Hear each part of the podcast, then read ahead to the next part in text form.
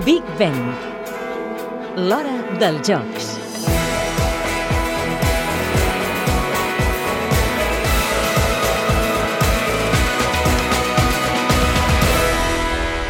Remember Recordeu la quantitat d'esports diferents que podeu veure, per tant, no feu la reserva només per aquells esports més previsibles.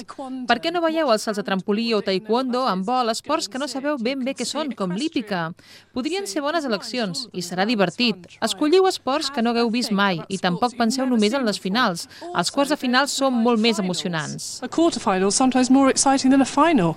Qui sentiu és l'actriu anglesa Miranda Hart, escollida pel comitè organitzador dels Jocs de Londres per la campanya de promoció de venda d'entrades de les diferents competicions. I tot i la distància, pareix que la campanya ha tingut efecte també entre la població catalana.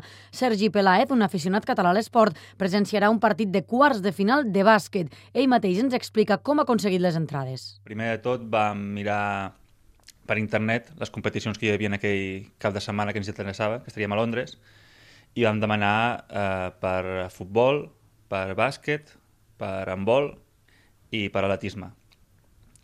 Va haver-hi un sorteig i al cap d'uns dies ens van comunicar per internet via mail que teníem entrades per als quarts de final de bàsquet. La campanya de promoció continua així. Hi haurà esports per tots, perquè els esdeveniments estan repartits per bona part del país, no només a Londres. Per exemple, els fans del futbol podreu veure partits a Cardiff, Glasgow, Manchester, Coventry, Newcastle, i les entrades es poden adquirir des dels 20 pounds. 20 pounds. La via d'aconseguir entrades per internet ja s'ha esgotat i ara els afortunats estan pendents de la bústia.